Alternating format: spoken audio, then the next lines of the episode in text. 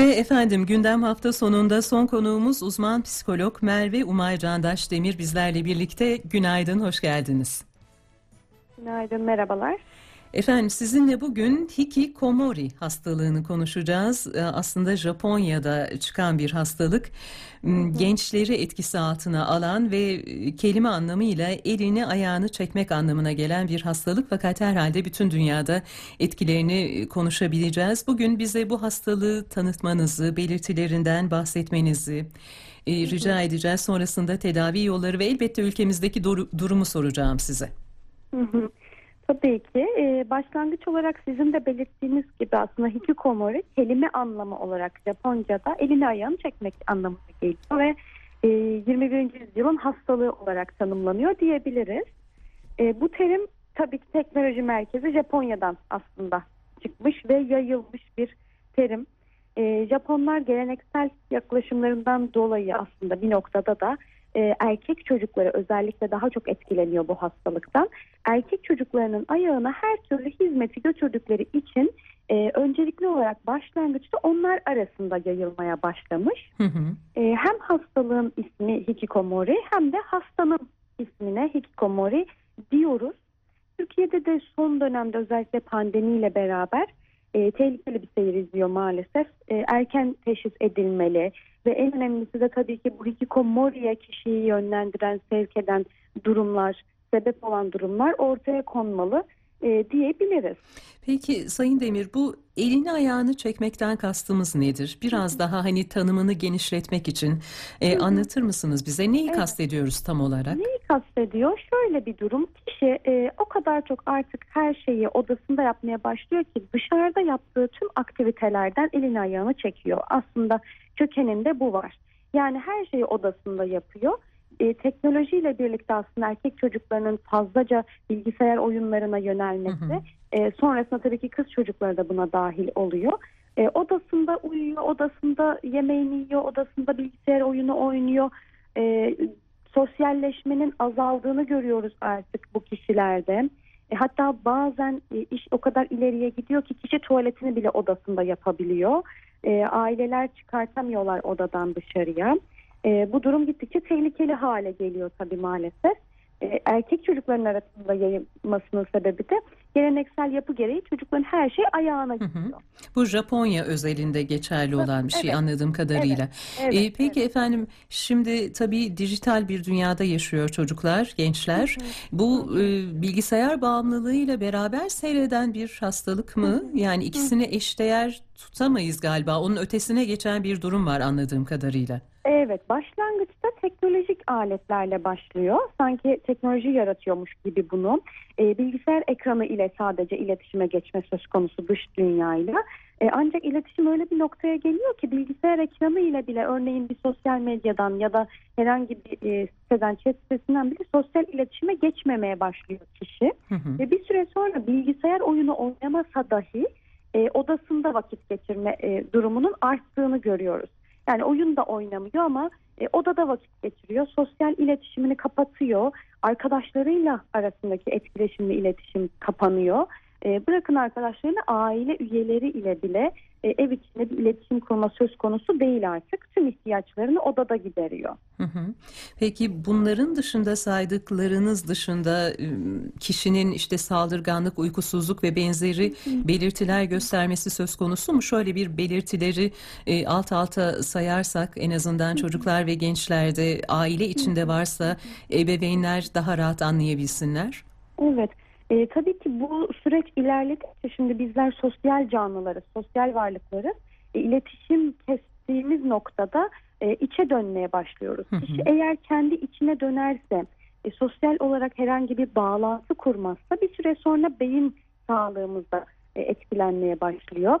E, sinirlilik başlangıçta ortaya çıkmasa bile başlangıçta daha çok sessizlik, e, kimseyle konuşmamayla seyrediyor ama sonrasında tabii ki sosyal iletişim azaldığı için öfke, agresiflik, sinirlilik, e, kendi içinde e, konuşma bazen bazen kişinin gerçeklik algısını yitirmesi olabiliyor çünkü hiçbir uyaran almıyor dışarıdan beyin.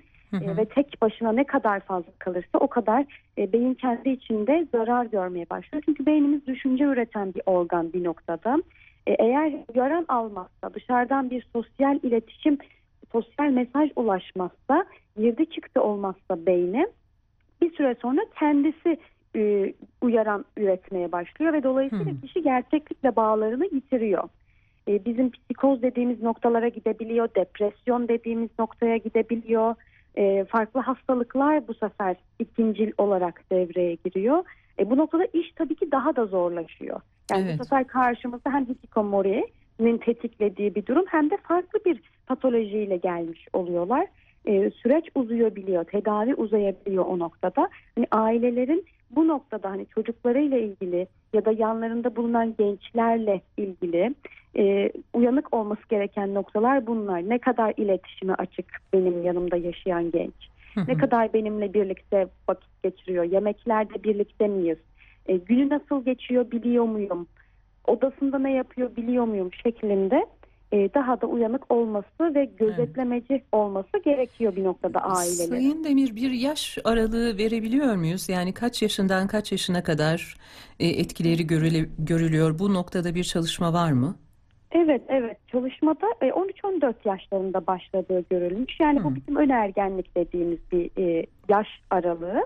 E, çocukların bir noktada da aslında bireyselleştiği.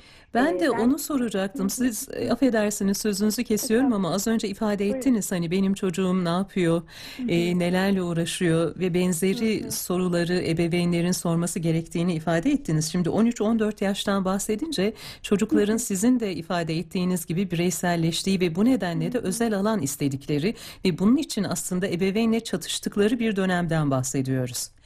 Dolayısıyla aslında işte bu hani ergenlik dönemiyle bu hastalık arasında da zaman zaman geçişlilik mi olabilir? Ebeveynin anlaması çok da kolay olmayabilir diye düşündüm. Evet kesinlikle öyle. Çünkü artık ebeveyn de e, şunu diyor yani benim çocuğum odasında ders çalışıyor. İşte e, sınavlarına e, girecek çıkacak onlar için ders çalışıyor artık. Ya da artık kendi özel alanı olmasını istediği için e, odasında vakit geçirmeyi tercih ediyor. Kitap okuyor diye e, bunlar e, böyle bu şekilde davranışlarla örtülebiliyor ama e, şöyle bir nokta e, dikkat edilmeli. Yani e, odasında evet 13-14 yaşında başlıyor. E tabii normal ergenlik döneminde ya da geç ergenlikte de artık son dönem çalışmalarda yaşın büyüdüğünü gözlemliyoruz. Yani 20'li yaşlarda da özellikle pandemi tetiklediği için bir süre sonra bu hastalığa dönebiliyor ama ergenlik döneminde de dikkatli olmak e, odada vakit geçirmenin belli bir süresi vardır. Yani e, ders çalışsa bile belli bir süresi vardır. Ödev yapsa bile aileler bundan çok mutlu olabiliyorlar ders çalışıyor diye ama e, bu mutlu olmaları uzun vadede zarar getirebilir. O yüzden e, belli bir düzeyden fazla ders çalışmak da çocuğa zararlı diye düşünüp o noktada müdahale etmeleri gerekebiliyor. Çünkü çocuk bazen belli etmez yani aslında bilgisayarda oyun oynuyordur. Anne babaya der ki ya ben ders çalışıyorum. Anne baba da ne güzel sevinir yani çocuğum ders Evet. çalışıyor diye. E, bu noktada hani belki çocuklara şöyle yaklaşılmalı o aşamaya geçersem.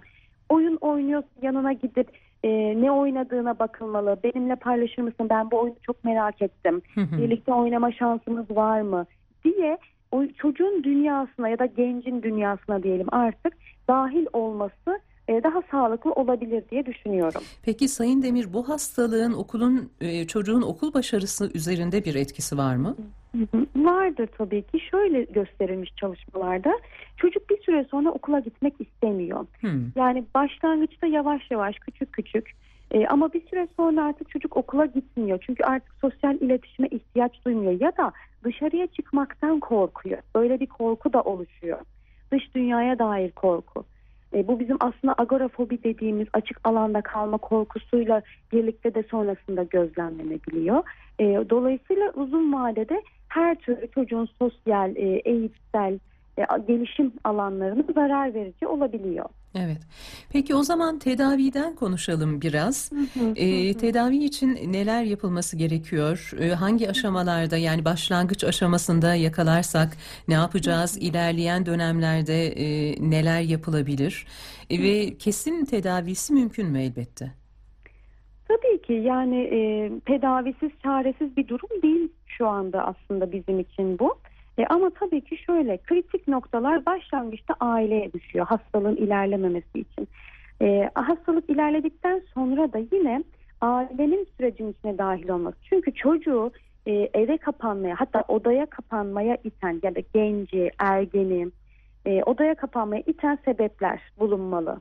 Yani bu sebeplerin altında akademik belirtiler mi, yetersizlik duygusu ya da bir aşk faktörü olabilir, duygusal ilişkiler olabilir. E, ya aileyle iletişiminde kopukluk, e, ergen ailenin kendisini anlamadığını düşünüyor olabilir artık. E, ergenle aileyle iletişiminde zorlanıyor olabilir ve bu da onu içe kapanmaya itmiştir. Ya da dış dünyada kendini ifade edemiyordur. E, bir noktada artık sosyal noktaya gelmiştir. Bilgisayar ortamında ifade ediyordur. E, burada ailenin bu verileri gözlemlemesi ya da uzmanların ailelerden bu hikayeyi ayrıntılı bir şekilde alması lazım öncelikli olarak. Sonrasında tedavilerde tabii ki psikoterapilerle birlikte eğer gerekiyorsa medikal tedavi başlangıçta bizim için kurtarıcı olabiliyor çocuğu ya da genci o ortamdan çıkarmak için. Sonrasında da psikoterapiler ile ailelerle görüşerek e, çocuğa kendini iyi ifade edebileceği bir ortam yaratmamız gerekiyor. Hı hı. Şimdi e, Sayın Demir siz konuşurken şunu düşündüm. Başlangıç noktasının Japonya olduğunu ve erkek çocukların kültürün getirdiği özellikler nedeniyle e, daha çok etkilendiğini söylemiştiniz. Biraz ülkemize e, gelmek istiyorum. Şimdi hastalığın ne olduğunu konuştuk. Belirtileri konuştuk. Tedavi yöntemlerinden bahsettiniz. Ülkemizdeki gençler nasıl bir tehlike içinde? Bizim kültürümüz e, bu açıdan e, nasıl bir zemin oluşturuyor? Şimdi ülkemizde de özellikle son yıllarda zaman zaman uzman uzmanlarla konuştuğumuz zaman e, çocuğun odağa alındığı, çocuk e, erkil deniyor hatta galiba yanılmıyorsam, e, bu tür aile yapılarının söz konusu olduğunu ifade ediyorlar. Şimdi bu yaklaşım çocuğa, bu tür bir rahatsızlığa zemin hazırlar mı? Ülkemizde görülme sıklığı nedir? Siz görüyor musunuz e, sahada bu tür rahatsızlıkları? Bir genel değerlendirme yapmanızı rica edeceğim. Hı hı. Ee, şöyle ki maalesef bizim de kültürümüz aslında Japon kültürüyle benzerlikler taşıyabiliyor. Yani bizim kültürümüzde de erkek çocuğa e, ayrı bir önem verme durumu söz konusu olabiliyor. Son, son yıllarda bu durum e, erkek çocuktan e, çıkıp özellikle e, batı taraflarında her iki çocuğun da çok fazla e, orta noktada buluşturulduğu yani dediğiniz gibi çocuk erkil bir aileye doğru dönmüş durumda. E, bu aslında psikolojinin, psikologların, e, çocuk gelişim uzmanlarının da sahada fazlasıyla var olmasıyla birlikte aileler de bilinçlendiler e, ve en ufak bir hatanın bile çocukta belli bir patolojiye sebep olabileceğini e, düşünerek çocuklara çok daha fazla önem gösterir oldular ve her şeye çocuklar dahil ediliyor. Yani çocuk kendi kıyafetini seçiyor, e, ergen olduğunda ona artık özel alan seçiliyor, odası ona uygun dizayn ediliyor. O da tamamen bireysel dizayn ediliyor. Yani o bir birey noktası vurgulanarak e, çocuğun da kendi hayatının olduğu aile tarafından da kabul ediliyor ve aile de buna bir zemin hazırlıyor aslında bir noktada. Dolayısıyla bizim kültürümüzde bu noktada tehlike alarmlarını çalıyor diyebiliriz.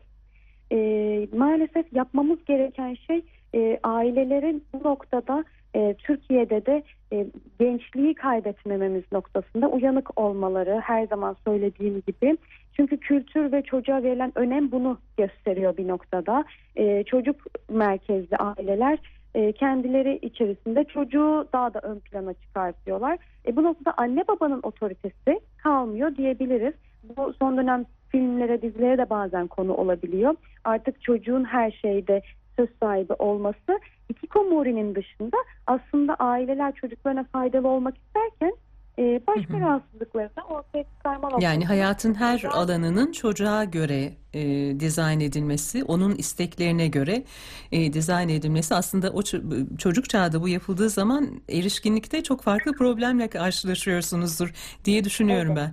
ben. Evet kesinlikle öyle bizim sahaya da yani hastane klinik ortamına da yansıyan örnekler görebiliyoruz bu noktada.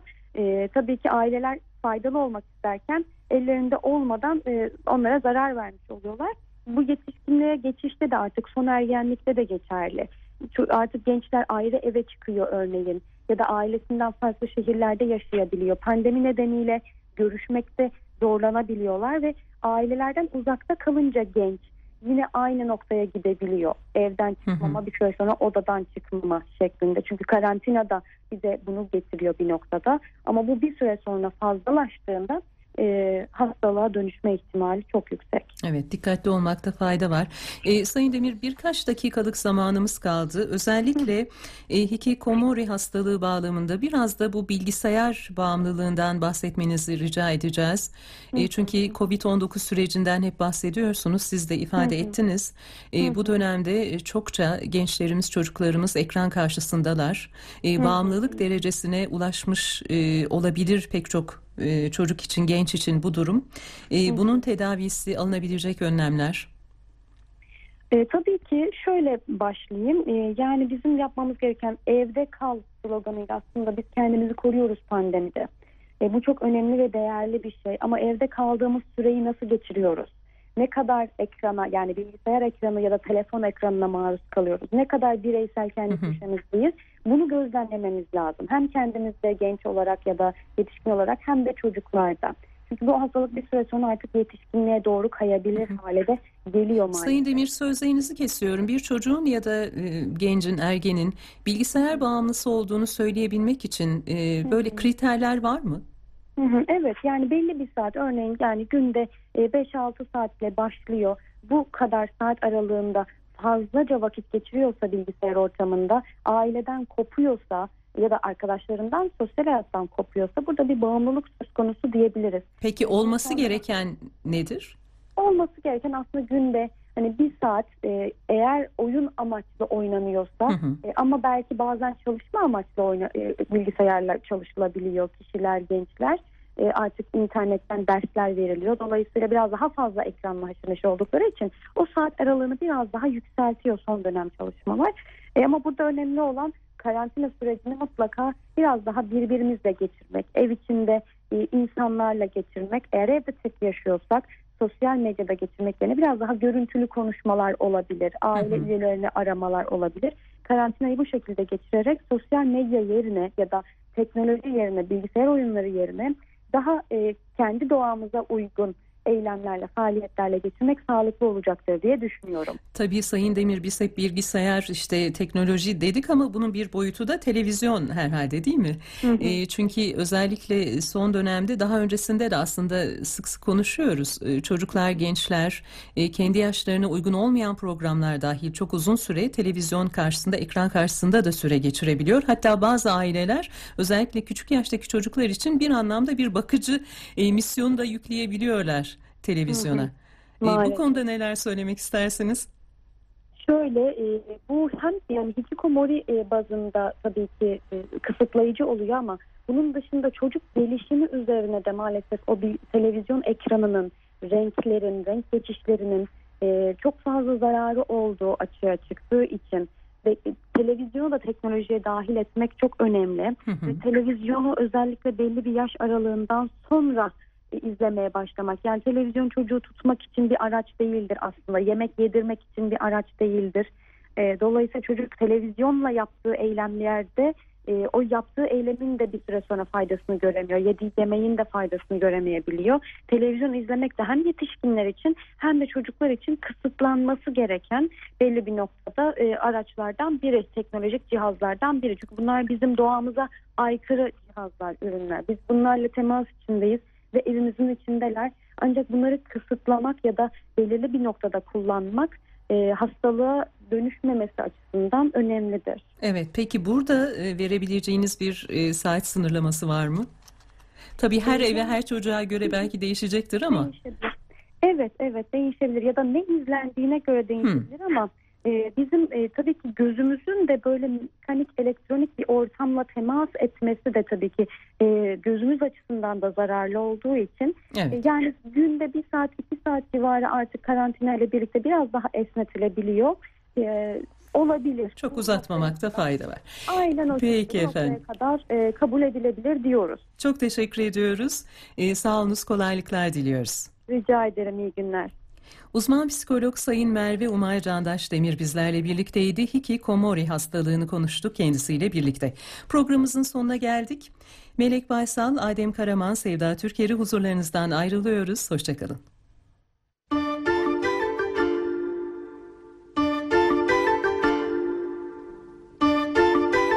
Gündem hafta sonu.